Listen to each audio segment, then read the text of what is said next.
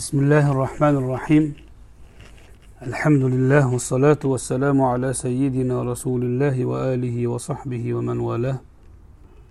الله سبحانه وتعالى الإمام النووينين التبيان في آداب حملة القرآن أسهل دان قلت كان درس المزن منفعة لي قلسن أتكن سفر حامل القرآن خاص بولغان وزارور بولغان لازم بولغان ba'zi sifatlar haqida gaplashdik. Bu umum bo'lgan. Ya'ni undan oldingi boblarda muallimaga nisbatan odobi do'stiga nisbatan hamdarsiga nisbatan odobi deb e, taqsim bilan nisbiy odoblar kelgan bo'lsa keyingi oxirgi o'qiganimizda homili qur'onning mutlaq odobi. Ya'ni uning doimiy e, ravishi to'g'risida gap ketdi. Abdulloh ibn masud roziyallohu anhu hazrati umar roziyallohu anhu fuzayl ibn iyos kabi ulug' e, zotlarning bu to'g'ridagi nasihatlarini o'rgandik. Endi bu odoblarni ketidan hazir bo'lishi kerak bo'lgan ehtiyot bo'lishi saqlanishi kerak bo'lgan e, bir ishdan e, bir sifatdan qaytarib alohida fasl ochadilar. ومن أهم ما يؤمر به أن يحذر كل الحذر من اتخاذ القرآن معيشة يكسب بها qur'on homiliga buyurilishi kerak bo'lgan eng muhim ishlardan biri shuki qur'oni karimni tirikchilik manbasi qilib u bilan bir kasb qiladigan vositaga aylantirishdan qattiq zinhor hazir bo'lsin ehtiyot bo'lsin ya'ni qur'oni karimdan dunyoviy bir manfaatga yetishadigan vosita sifatida foydalanmasin فقد جاء عن عبد الرحمن بن شبيل رضي الله عنه قال قال رسول الله صلى الله عليه وسلم اقرأوا القرآن ولا تأكلوا به ولا تجفوا عنه ولا تغلوا فيه abdurahmon ibn shubayn roziyallohu anhudan rivoyat qilingan hadisi sharifda rasululloh sollallohu alayhi vasallam dedilarki qur'onni o'qinglar u bilan yemanglar uni vosita qilib yemanglar. Undan ayri ham bo'lmang unda g'uluvga ham ketmang. Ushbu hadisi sharifda rasuli akram alayhissalotu vassalom bitta buyruq amr uchta qaytariq nahiyni aytganlar zikr qilganlar. Birinchisi qur'onni o'qinglar. Qur'onni iqroul qur'ani bu amr. Qur'onni o'qinglar. Bu yerda qur'on o'qinglar deyishdan murod aslida qur'on o'qishga buyurish emas balki qur'on o'qib turib nimadir qilishdan qaytarish uchun bu so'zni aytganlar. O'zi asli e, siyg'asi buyruq lekin buyruqni o'zi bilan kifoyalanish emas maqsad balki asli maqsad undan keyin keladi. Qur'onni o'qinglar e, lekin uni vosita qilib yemanglar. Ya'ni uni tirikchilik manbasi qilib olmang degani undan ayri tushmang. Unda g'uluvga ketmang. E, bu yerda qur'onni o'qinglar deganlar qur'oni karimni mutlaq o'qishni o'z ichiga oladi. Ya'ni mutlaq o'qish ya'ni bir oyat ikki oyat emas doimiy qur'onni o'qishga buyuryaptilar.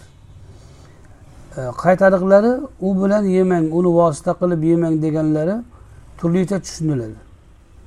E, ya'ni qur'oni karimni ayni o'zini biror mol yoyinki biror bir manfaat hosil qilish vositasiga aylantirmang. Bu turlicha suratda bo'ladi. Masalan qur'oni karimni o'qib shu bilan pul topish uchun o'qish. Qur'onni o'qiydi. Masalan ba'zi kishilar bor. Qabristonga kirib o'tirib oladi yoyinki bir odamlar o'tadigan joyga o'tirib oladida shu yerda qur'on o'qib oldiga etak ochadi unisi bunisi kelib shunga pul tashlaydi. Shu surat ham masalan qur'on bilan pul topishni bitta surat yoyinki qur'oni karimni o'qib berib odamlarga shundan pul hosil qilish niyatida o'qiydi. Ya'ni u oldiga etak ochib ko'chada o'tirmaydi lekin bir joyga borib qur'on o'qisa faqat pul uchun boradi. Pul bo'lmasa bormaydi. Yana qur'onni vosita qilishni usullaridan biri qur'oni karimni ma'nolariga xiyonat qiladi. Aytmaganini qur'on aytgan deb beradi yoki qur'on aytgan narsani aytmagan deb beradi yoki qur'on qur'on aytgan biror so'zni kalimani ma'nosini o'zgartirib aytadi. Qur'on vosita bo'ladi. Shu orqali nimagadir erishadi. Mansabgami molgami nimagadir erishadi. Bu ham qur'onni vosita qilish yo'llaridan ya'ni ayni qur'onni o'qib emas balki uning ma'nolarini suiiste'mol qilish bilan nimadir hosil qilishga urinadi. Bu yerda qur'on bilan yemang deganda faqat masalan deylik maoshgina nazarda tutilmaydi balki boshqa dunyoviy manfaatlar ham buni ostiga kiradi. Albatta qur'oni karimni vosita qilib pul muqobiliga qo'yish kiradi qiroatini o'zini. Shuningdek ma'nosini suiiste'mol qilish bilan dunyo hosil qilish ham kiradi. Dunyo hosil qilish deganimizda u faqatgina pul emas balki mol dunyo bo'lishi mumkin. Mol e, bo'lishi mumkin e, mansab bo'lishi mumkin obro' bo'lishi mumkin. Hammasi ham dunyo matohi. Dunyoni ne'matlaridan qaysi birigaki e, erishmoqchi bo'lsa u dunyoga qur'onni vosita qilgan bo'ladi.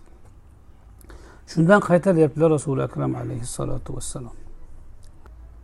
Yana qur'oni karimni vosita qilish pul yeyish vositasi qilish mol topish vositasi qilish uslublaridan biri qur'oni karim orqali shuhrat topib shu shuhratdan muxlis orttirib shu shu orqali o'ziga mol orttirish. Ya'ni ayni qiroatni o'zi bilan emas qiroatdan keyin qanaqadir mansabga erishib qanaqadir unvonga erishib o'sha unvon orqali pul topishni niyat qilish ham kiradi. Va hokazo bu endi misollar xolos. Asosiysi qur'oni karimni dunyo matohiga erishishga vosita qilmaslik. Shundan qaytaryaptilar vosita qilishdan qaytaryaptilar. Bu yerdagi qaytaruv haromni bildiradi. Ya'ni makruhni emas balki haromni bildiradi. Orqasidan aytdilarki qur'oni karimdan uzoqlashmang ayri tushmang.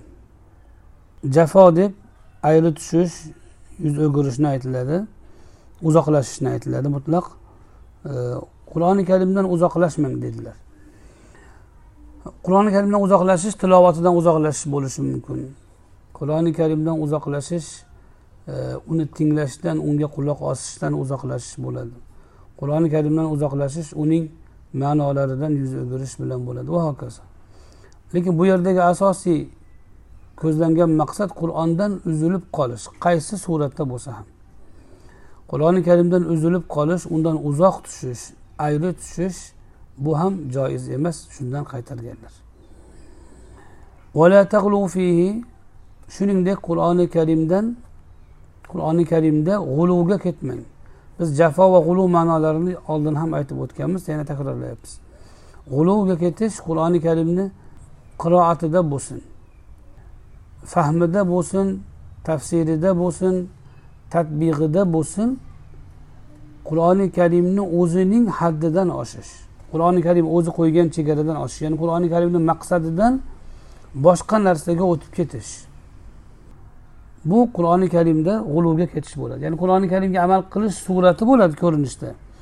Ammo qur'on ko'zlagan maqsaddan tajovuz qiladi. Natijada qur'onda g'uluvga ketadi. Bu tafsirlarda ham bor. Masalan ba'zi tafsirlarda fir'avndan murod nafsdir musodan murod ruhdir qalbdir deb u go'yoki tarixiy voqealarni inkor qilishgacha borishadi. Mana shu kabi tafsirlarda g'uluvga ketish yoyinki tilovatida g'uluvga ketish arabiy saliqadan tashqariga chiqib tilovat qilish yoyinki tadbiqida g'uluvga ketish qur'oni karim bir narsaga buyurgan bo'lsa o'sha buyrug'ini bajarishda haddidan oshish qur'oni karim qo'ygan chegaradan oshish. Va hokazo. Bu yerda payg'ambarimiz alayhissalotu vassalom qur'onni o'qinglar dedilarda undan keyin qur'onni haqlarini qanday bajarishni o'rgatdilar. Ya'ni qur'oni karimni nafs va manfaatlar vositasiga aylantirmaslik. Demak nafs va manfaatlarga vosita qilmaydigan bo'lsangiz kishi agar dunyo bilan mashg'ul bo'lsa g'ami dunyo topish bo'lsa u kishi qur'onni vosita qilib dunyoga erishadi. Agar dunyoga vosita qilishdan to'xtatilsa qur'ondan ham to'xtab qolishi mumkin. Shuning uchun orqasidan aytdilarki qur'ondan uzilmang. Ya'ni qur'onga bog'lanishingiz uxlaviy bo'lsin demoqchilar. Dunyoviy manfaatga vosita qilmang desak uzilib qolmang balki qur'oni karimga bog'lanishingiz uxlaviy bo'lsin allohga bog'lanish yuzasidan bo'lsin. Endi qur'oni karimga bog'landingiz yaxshi niyatda allohga bog'lanish uchun bir allohni murodiga yetish uchun. Endi shunda tajovuz ham qilmang. Chunki siz o'zingizcha taqvo qilaman deb o'zingizcha qur'onga amal qilaman deb qur'oni karimni hududidan oshmangki bunda ham qur'oni karimni tatbig'idan to'xtab qolasiz va qur'oni karimni maqsadidan ayri tushasiz. Shuning uchun g'uluvga ketishdan ham saqlaning mana shu e, qaytariqlarni aytdilar bu yerda e, mavzuyimizga doir jumla qur'oni karimni vosita qilib yemang ya'ni yeyishga yemakka maishatga vosita qilib olmang وعن جابر رضي الله عنه عن النبي صلى الله عليه وسلم قال اقرأوا القرآن من قبل أن يأتي قوم يقيمونه إقامة القدح يتعجلونه vala yataajjaluna al qodah shakli ham kelgan qur'oni karimni o'qinglar shunday bir qavm kelishidan oldinki ular qur'oni karimni o'qni tiklaganday tiklaydilar unda shoshadilar uning ajrini shoshtiradilar kechiktirmaydilar bu yerda yana qur'oni karimga qur'oni karimni tilovatiga buyurish bilan boshladilar so'zni rasuli akram alayhissalotu vassalom bir qavm ba'zi bir odamlar kelishidan oldin o'qinglar. Deganlari ular kelgandan keyin o'qimay qo'yaverasiz degani emas. E, balki qur'oni karimni o'qinglar shunday o'qinglarki oxirat uchun o'qinglar. Qur'oni karimni allohga qurbat uchun o'qinglar. Va shunda sobit turinglarki hali shunday bir qavm keladi. Demoqchi bo'ldilar. Shunday bir qavm shunday bir odamlar keladi qur'oni karimni o'qni to'g'rilagandek to'g'irlab qo'yadi. Ya'ni o'qni to'g'rilagandek to'g'irlashdan murod ya'ni zohirda qur'oni karimni qoyillatib qo'yadi. Ya'ni tilovatini masalan qoyillatib qo'yadi. Xato bexato o'qiydi. E, talaffuzini qoyillatib qo'yadi. Tajvidini do'ndirib qo'yadi. Hatto ohangini do'ndirib qo'yadi. Zohirda qur'oni karimga mohir bo'lib ko'rinadi sizga. Ammo ular bu ishlaridan oxiratni ko'zlamaydilar. Balki yataajjalunahu degani shoshtiradilar degan ya'ni qur'oni karimdan keladigan ajrni shoshtiradilar ya'ni dunyoni istab qoladilar o'sha qur'ondan. Kechiktirmaydilar ya'ni oxiratga surmaydilar. Bu ham yuqoridagi mavzuni to'ldiradi yuqoridagi ma'noni ta'kidlaydi. Bu hadis ham. Ya'ni rasuli akram alayhissalotu vassalom kelajakda shunday bir qavm kelishidan shunday bir odamlar kelishidan xabar qildilarki ular qur'oni karimni zohiran yaxshi ado qiladilar. Ammo o'sha adolaridan oxirat ajrini istamaydilar. Balki dunyo mukofotini dunyo manfaatini istaydilar. Bu yerda qaytarilgan narsa qur'oni karimni o'sha o'qni to'g'rilagandaqa to'g'irlash emas balki u buyurilgan narsa. Qur'oni karimni to'g'ri ado qilish to'g'ri tilovat qilish to'g'ri ma'no aytish qur'oni karimga mohir bo'lish buyurilgan narsa qaytarilayotgan narsa bu emas. Qaytarilayotgan narsa shu ishni dunyo uchun qilish. Demak biz bir kishi tilovatni do'ndirsa ohangini do'ndirsa tajvidini qoyillatsa hamma ahkomini joyiga qo'ysa bu qoralanmaydi yoki qur'oni karimni bexato o'qisa bexato tafsir aytsa bexato agar talqin qila olsa bu qaytarilmaydi balki bu matlub buyurilgan narsa. Qaytariq bu jumlada emas. Qaytariq shu sifatni hosil qilishdan maqsadlari dunyo bo'lgani. Mana shu keyingi jumlada qaytarilgan narsa zikr qilinyapti. Ya'ni ular qur'onni o'qib qur'oni karimni ado qilarkanlar tilovatini yoyinki tafsirini bundan oxiratni istamaydilar. Balki dunyodagi manfaatni istaydilar. Ana shunday qavmlar keladi ya'ni ular kelmay turib qur'on o'qib qur'onni o'qib qoling deganlari ular kelgandan keyin qur'ondagi hozirgi ruhni topolmay qolasiz. Qur'oni karimdagi hozirgi nurni topolmay qolasiz. Qur'ondagi hozirgi manfaatni topolmay qolasiz. Mana shu hozirgi holatingizdagi ya'ni rasuli akram alayhissalotu vassalomni so'zlarini eshitayotgan kishilar ashobi kiromning tilovatlaridagi e, sifatni saqlab qolishga buyruq ma'nosida qur'onni shunday o'qing deb aytdilar. E, kelajakda sizdan boshqacha qavm keladi. O'shalar kelmasdan turib qur'onni shunday saqlab qoling. Ular kelgandan keyin qur'on ba'zi bir kishilarda bunday saqlanmay qoladi. Bu bilan rasuli akram alayhissalotu vassalom qur'oni karimni ko'p o'qish oxirat uchun o'qish va oxirat uchun o'qiydigan kishilarni e, saqlab qolish oxirat uchun o'qish an'anasini saqlab qolishga buyurdilar. Bu yerda qur'onni o'qing shunday qavm kelishidan oldin deyishlari qur'onni oxirat uchun o'qish an'anasini saqlab qoling degan ma'noda aytdilar. معناه يتعجلون أجره إما بمال وإما بسمعة ونحوها dedilar imom navoiy ya'ni yetaajjalunahu uni shoshtiradilar deganlarini ma'nosi ajrini mukofotini shoshtiradilar yo mol dunyo bilan bo'lsin yoki obro' ovoza bilan bo'lsin va shunga o'xshagan dunyoviy manfaat bo'lsin dunyo deganimizda faqat molni tushunmaymiz pulni tushunmaymiz balki dunyodagi har bir ne'mat har bir manfaat dunyo deyiladi yuqoridagi hadisni abu dovud rivoyat qilganlar yana aytadilarki وعن فضيل بن عمرو رضي الله عنه debdilar rahimaulloh roziyallohu anhu desa ham bo'ladi sahoba bo'lmasa ham lekin urfda roziyallohu anhu deb o'rganilgan sahobalarga boshqalarga rahimaulloh deb دخل رجلان من أصحاب رسول الله صلى الله عليه وسلم مسجدا. فلما سلم الإمام قام رجل فتلا آيات في القرآن ثم سأل فقال أحدهما إنا لله وإنا إليه راجعون. سمعت رسول الله صلى الله عليه وسلم يقول سيجيء قوم يسألون بالقرآن فمن سأل فمن سأل بالقرآن فلا تعطوه fuzayl ibn amrdan rivoyat qilinadi rasuli akram alayhissalotu vassalomni sahobalaridan ikki kishi bir masjidga kirdilar imom namozdan salom bergandan keyin bir kishi turib ba'zi oyatlarni qur'oni karimdan tilovat qildi va so'ray boshladi ya'ni tilana boshladi Shunda ikkala sahobaning bittalari aytdilarki inna lillahi va inna ilayhi rojiun.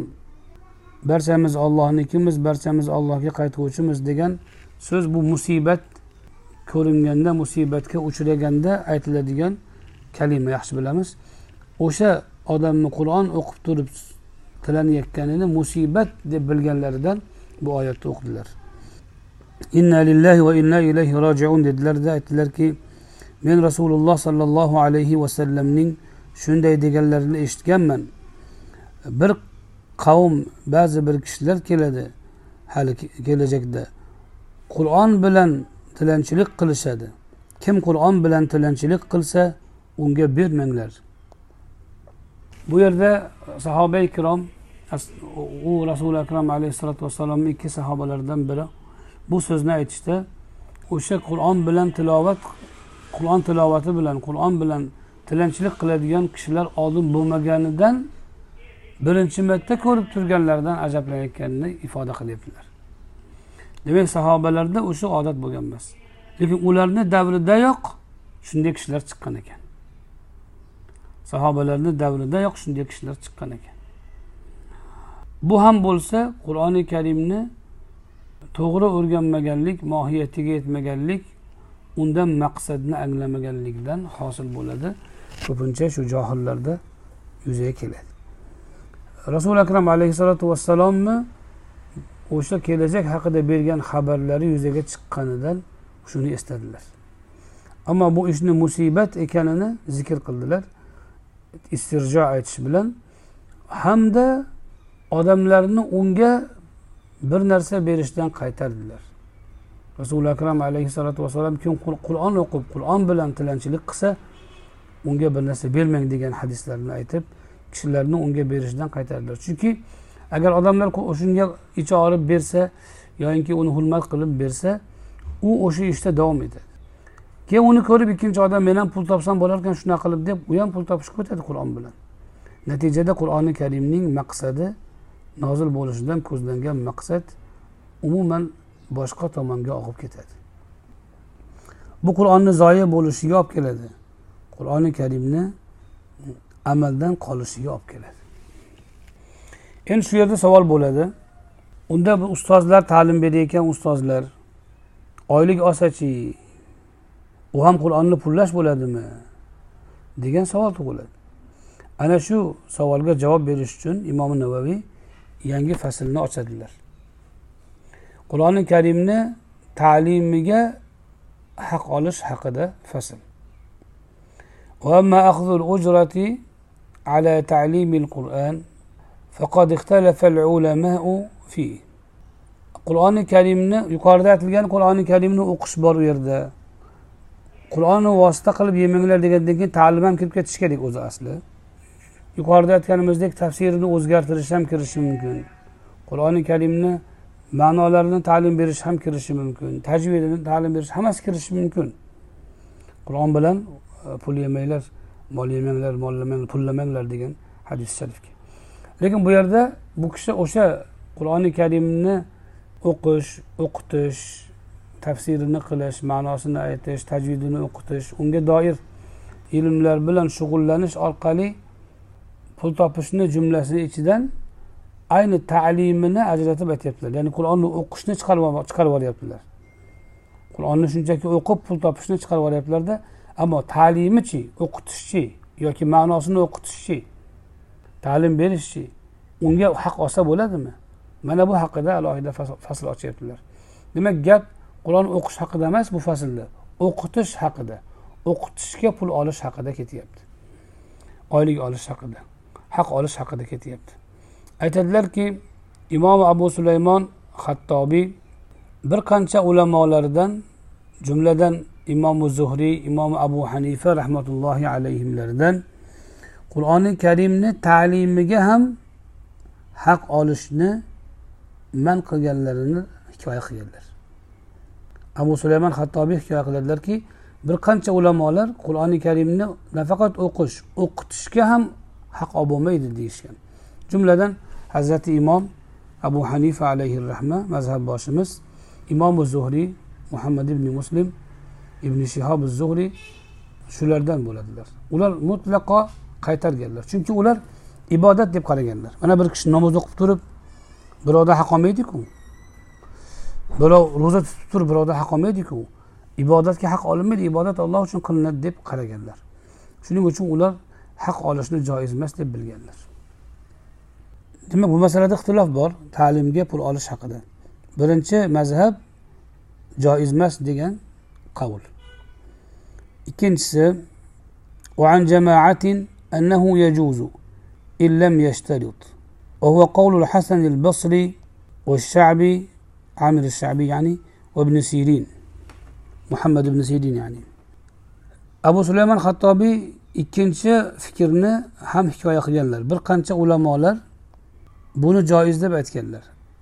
Agar shartlashmasa ya'ni seni o'qitamanu faloncha berasan oyiga seni o'qitamanu porasiga faloncha berasan deb shartlashmasa joiz deb aytganlar ular hasan basriy jumladan hasan basriy imom shabiy omir shabiy omir ibn sarohil keyin muhammad ibn sirin. Bular tobeinlar tobeinlarda mana shu ulamolar shartlashmasa joiz deyishgan ekan. ya'ni xolis o'qitaveradi tolib ham ko'nglidan chiqarganini beraveradi joiz ammo shartlashsa joiz emas deb aytganlar endi uchinchi mazhab demak ikkinchi mazhab shartlashmasdan olsa joiz uchinchi mazhab وذهب عطاء ومالك والشافعي وآخرون إلى جوازها إن شارطه واستأجره إجارة صحيحة endi ato ibn abu raboh makkani ulamolaridan ulug' tobeinlardan molik ibn anas molikiy mazhabining sohiblari imom shofiiy shofiiya mazhabining asoschilari. Mana bu zotlar va bir qancha bu kishilarga o'xshagan ulamolar agar shartlashsa haqni shartlashib olsa kelishib olsa va ijara shartlariga ko'ra to'g'ri ijara shartini tuzib agar kelishsa unda joiz bo'ladi deyishgan. Demak bular ya'ni imom shofiy imom molik va ato ibn abu raboh va shu kabi ulamolar xizmat yuzasidan qaraganlar. Yani bir kishi ta'lim beryapsa birovga xizmat qilyapti. Xizmat qilgan kishi xizmat taqdim qilayotgan kishi go'yoki ijaraga olingan bo'ladi. Go'yoki masalan bir kitobni tuzatib berishga berganingiz kabi. Sahhofga sahifachiga sahifalovchiga bir kitobni berasiz shuni tuzatib bering to'g'irlab bering kitobni deysiz u o'shani tikib beradi masalan yirtilgan bo'lsa yopishtirib beradi bu xizmat taqdim qilish maishiy xizmat deyiladi bizda o'sha xizmat taqdim qilish yuzasidan qur'oni karimni o'qitish ham bir xizmat chunki o'qitish ikkinchi odamda ilmni hosil qilishdir o'sha xizmati yuzasidan olsa bo'ladi kelishib olsa bo'ladi deyishgan ijara ijara deb qaraydigan bo'lsa kelishmasdan qilib bo'lmaydi ko'rdingizmi? Uch xil qabul bo'ldi. Birinchi qavulga ko'ra mutlaqo mumkin emas haq olish. Ikkinchi fikrga ko'ra shartlashmasdan olsa joiz ya'ni hadya berishi mumkin. Uchinchi fikrga ko'ra shartlashishi kerak. Shartlashmasdan qilsa bo'lmaydi. Chunki ijarani shartlashmasdan qilib bo'lmaydi ijara bo'lsa albatta shartlashish kerak bo'ladi. Demak uch xil fikrni naql qilganlar abu sulaymon hattobiy endi imom navoiy bu yerda yuqoridagi qavullarning dalili haqida so'z yuritadilar. Aytadilarki واحتج من منعها حديث عبادة بن الصامت رضي الله عنه أنه علم رجلا من أهل الصفة القرآن فأهدى, إلي فأهدى له قوسا فقال له النبي صلى الله عليه وسلم إن سرك أن تطوق بها طوقا من النار فاقبلها.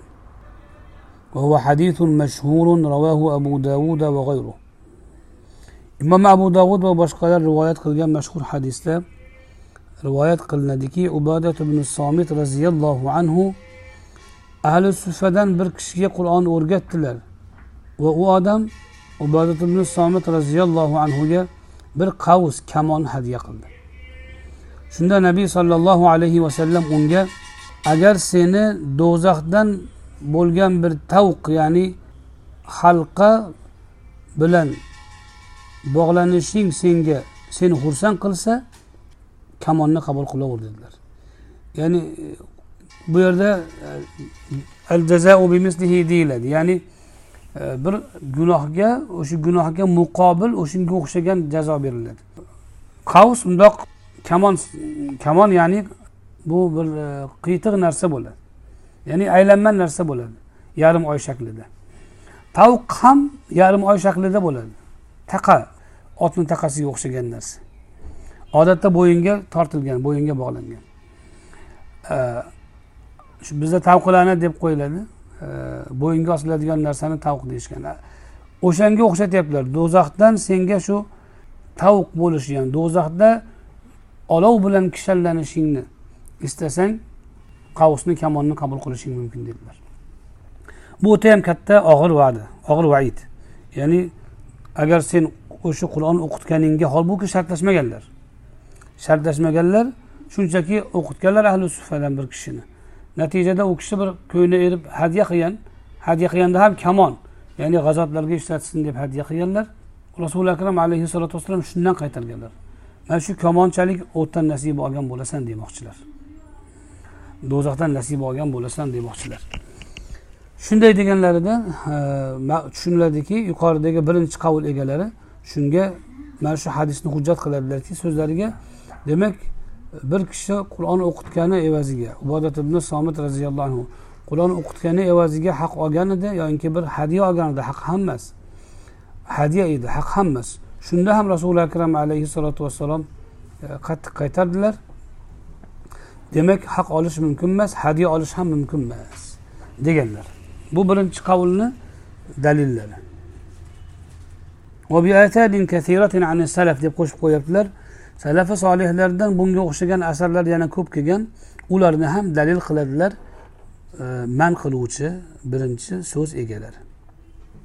وأجاب المجوزون عن حديث عبادة رضي الله عنه بجوابين. أحدهما أن في إسناده مقالا والثاني أنه كان تبرع بتعليمه فلم يستحق شيئا. ثم أهدي إليه على سبيل العوض فلم يجز له الأخذ بخلاف من من يعقد معه إجارة qobla talim vallohu alam. Ubadat ibn somit roziyallohu anhuning hadisini dalil qilib demak u kishi bir kishiga ta'lim bergan paytida u kishi ta'lim olgan kishi qavus bergani kamon bergani uchun do'zaxni va vaidini berdilar rasululloh alayhissalotu vassalom. Demak joiz emas ekan harom ekan e, deb dalil keltirgan birinchi so'z egalariga birinchi fikr egalariga uchinchi fikr egalari javob beradilar. Aytadilarki ikki xil javob beradilar. Ikki jihatdan. Birinchi jihat bu hadisning sanadi o'ta sahih emas. Sanadi haqida muhaddislarni jarhi bor deyishadi. Ikkinchi javob shuki ya'ni aniq sobit emas demoqchi bo'ladilar. Xabar. Ikkinchi javob shuki mabodo xabar sobit bo'lgan taqdirda ham rasuli akram alayhissalotu vassalom u kishini qaytarishlariga bois u ibodat ibn somit roziyallohu anhu dastlab tabarru yuzasidan ya'ni xolis evazsiz ta'lim bergandilar. Keyin u kishiga kamon hadya qilindi lekin oddiy hadya emas balki evaz sifatida hadya qilindi. Chunki u odam o'sha ta'lim olishdan oldin bu ibodat ibn somitga biror narsa hadya qilmagan edi. Shuning uchun u bergan kamoni go'yoki evaz sifatida berilgan bo'ldi. Shuning uchun rasuli akram alayhissalotu vassalom qaytardilar. Agar u kishi o'quvchi bilan kelishib olib to'g'ri ijara aqdnomasini tuzib qilganda ta'lim berishdan oldin unda joiz bo'lar edi deydilar. Shunday javob beradilar. Ho'p shu yerda fasl tugabdi. Endi bu yerda bir savol tug'iladi. Unda hozirgi ustozlarga oylik berilishi qandoq bo'ladi? Endi o'sha joiz degan ulamolar buni boshqaga manfaati borligidan va zarurat yuzasidan joiz deganlar. Bunga yana boshqa bir e, hadislardan ham dalil keltiradilar. Imom navoiy bu yerda keltirmabdilar. Abu said hudriy roziyallohu anhu e, bir jamoa sahobalar bilan safarga chiqadilar. Imom buxoriyni rivoyatlari keladi. Shunda e, bir qavmni oldiga tushadilar. Qabila ahlidan yemak so'rashganda ular mehmon qilishmaydi berishmaydi. Keyin ularni qabila boshchisi kasal bo'lib qoladi chayon chaqib oladi dori qilib davolay olishmaydi. Shunda bularni ko'rib yuzlaridan rohiblarni riyozati va duogo'ylarning nuroniyligini ko'rib bularni orasida ruqya o'qiydigan dam soladigan odam bo'lishi kerak. Shulardan so'raylikchi deb sahobalardan kelib so'rashadi. Sizlarda bir damsab qo'yadigan odam bormi muolaja qiladigan o'qib. Desa ha deydilar. Bizni qabila boshimiz e, chayon chaqib olib e, davolay olmayapmiz. E, shunga yordam bersangiz. Shunda aytadilarki abu said hudriy roziyallohu anhu sizlar biz sizlardan taom so'raganimizda bermadingiz. Biz ham tekinga o'qimaymiz bir narsa bersangiz o'qiymiz. Mayli beramiz. Oxiri kelishishadi. Bir to'da qo'yni evaz qilib berishga agar davo qilinsa davolansa. Abu said hudriy roziyallohu anhu boradilarda unga fotihani o'qib dam soladilar. Fotihani o'qiguncha tupugini yutmay turadilar. Avuz bismillah bilan fotihani boshlaydilar. Tupugni to'plab fotiha o'sha tupuk bilan tupuk fotiha bilan qorishadi go'yoki. To fotihani barakoti nuri ta'siri o'sha e, tupukka o'tadi. Shuning uchun yutmasdan turadilar. O'zlari hikoya qilganlar tupugimni to'plab turib fotihani o'qib tupugimni to'plab turib haligi chayon chaqqan joyga yarasiga tupurdim tushirdim. Bir necha marta shunday qilganlarida haligi odam e, yarasi yorilib zahar chiqib ketadi va oyoqqa turib ketadi. Shunda ular va'daga muvofiq haligi bir qo'ra qo'yni beradilar. Keyin sahobalar o'ylanib qolishadi. Rasuli akram alayhissalotu vassalomdan so'ramadiku bu joiz ish bo'ldimikin endi? Rasuli akram alayhissalotu vassalomga keyin odam yuborib so'rashganda e, to'g'ri qilibsizlar menga ham ulush beringlar deganlar. Ularni ko'nglini xursand qilish uchun. E, keyin abu said hudriy roziyallohu anhu e, bilan ko'rishganda fotihani ruqyaligini qaydan bilganding? deganlar. Bu hadisdan ko'p foydalar olinadi. Bizga mavzuyimizga taalluqlisi qur'oni karimni o'qib kishilarga kishiga bir manfaat yetkazib shundan evaz olganlari va rasuli akram alayhissalotu vassalomni buni joiz deb aytganlari. Boshqa bir hadis sharifda alayhi inna ahaqqa ma alayhi deganlar. Evaziga haq olishingizga eng haqli narsa qur'ondir deganlar. Mana bu hadislaridan yuqoridagi voqealardan ulamolar istinbot qilib aytadilarki demak boshqaga manfaat yetkazadigan o'rinda boshqa undan manfaat olarkan o'sha manfaatni evaziga bir narsa olsa bo'ladi. Shuningdek mana bu kishi sahoba ikromlar bir kishiga dam solishgan edi. Qur'on bilan dam soldi. Evaziga qo'y oldi. Bundoq qarasangiz qur'onni evaziga qo'y kelyapti. Shuni joiz dedilar rasuli akram alayhissalotu vassalom E, deydilar. Lekin bu yerda daqiq ma'no shuki u kishi olgan manfaati evaziga berayotgan bo'ladi. Qur'on sotilayotgan bo'lmaydi. Ta'limda ham xuddi shu narsa bor. Tolib hosil qilayotgan narsasini evaziga beradi. Ustozning qur'oni evaziga emas. Shuningdek ba'zi ulamolar vaqt bilan e, belgilashni aytishgan ya'ni vaqtni olgani evaziga haq olsa bo'ladi. Qur'onni muqobiliga emas oylik vaqtning muqobiliga qo'yiladi. Buni qaydan bilamiz? Buni o'sha ustoz o'sha vaqtda bergan qur'onidan masalan e, qur'onni oyatiga qarab emas e, yoyinki harfiga qarab emas balki vaqtiga qarab kelishuvidan bilamiz. Shuningdek toliblarga masalan e, bir nechta tolib o'qitsa hammasiga bir xil qarashidan pul berishiga qaramasdan hammasiga bir xil o'qita e, bilishidan anglashimiz mumkin. Kishi nimani muqobiliga qur'onni qo'yayotganini lekin bir kishi shu qur'onni muqobiliga qur'onni muqobiliga haq olishni o'rgansa ya'ni ko'proq berganga yaxshiroq o'qitib kamroq berganga yaxshi qaramasdan boyroq odamni hafsala bilan o'qitib kambag'alga beparvo qarasa yoki ko'proq pul bergan bilan band bo'lib puli kam odam tolibga ahamiyat bermasa yoki puli kam odamni qabul qilmasa yoyinki tolib ilm agar pul bermasa mutlaqo qabul qilmaydigan bo'lsa kambag'al bo'lsa agar.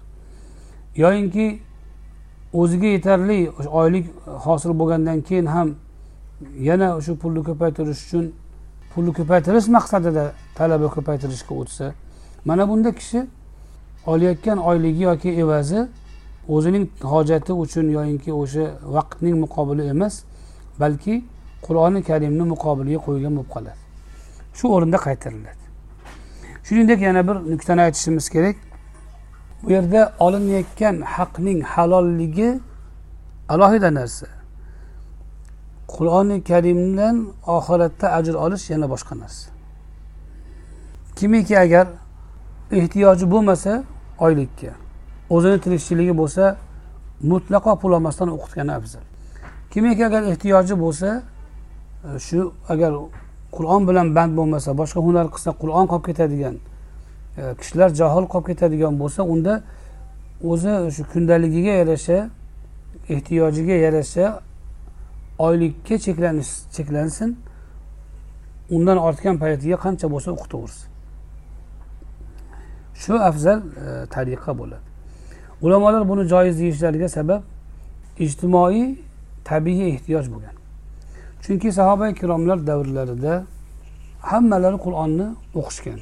Qur'onni hammalari yaxshi bilishgan. Birinchidan ular arab bo'lgan oson hosil qilishgan va ular asli zohid kishilar bo'lishgan va oxirat uchun yashaydigan kishilar bo'lishgan. Shuningdek adad yangi musulmon bo'lgan adad kam bo'lgan. Qachonki yangi musulmon adad ko'payib jamiyatda ustoz yetishmay qolgan paytida bir kishi birovga ta'lim bersa bir kishilarga ta'lim bersa uzoq vaqt berishi zarur bo'lib qolgan. Ashobi ikromlar davrlarida tobeinlar davrida ular davrida ko'pchilik bilgani uchun qur'onni ustozlar adadi katta bo'lgan. Masalan jamiyatni to'qson foizi qur'onni o'zi yaxshi o'qiydi to'g'ri o'qiydi. O'n foiz odamga har qanday odam bir kunda yarim soat vaqt ajratsa ta'lim berib qo'yaveradi. Boshqa vaqt tirikchilikni qilishaveradi. Ashobi ikromlarda holat shunday bo'lgan. Birinchidan hayot sodda ikkinchidan o'zlari zohid uchinchidan olim ko'p qur'onni biladigan o'qitadigan odam ko'p. O'quvchilarga imkoniyat katta. Bir kishi qur'ondan ta'lim bersa ikki soat uch soat shug'ullansa ancha odam o'qitib qo'yadi. Jamiyatda shu bilan ehtiyoj qonadi. Masalan hamza imomi hamza hamzatu zayyod qiroat imomlaridan. Ko'fada eng katta halqa egalaridan eng ko'p shogirdi ko'p ustozlardan bo'lgan. Shu kishi ertalab bomdoddan keyin ishroqdan keyin o'tirganlar. Choshgoh payti katta choshgoh payti o'n o'n birgacha dars berganlar. Undan keyin borib tirikchiligini qilavergan. Shunga vaqti yetgan.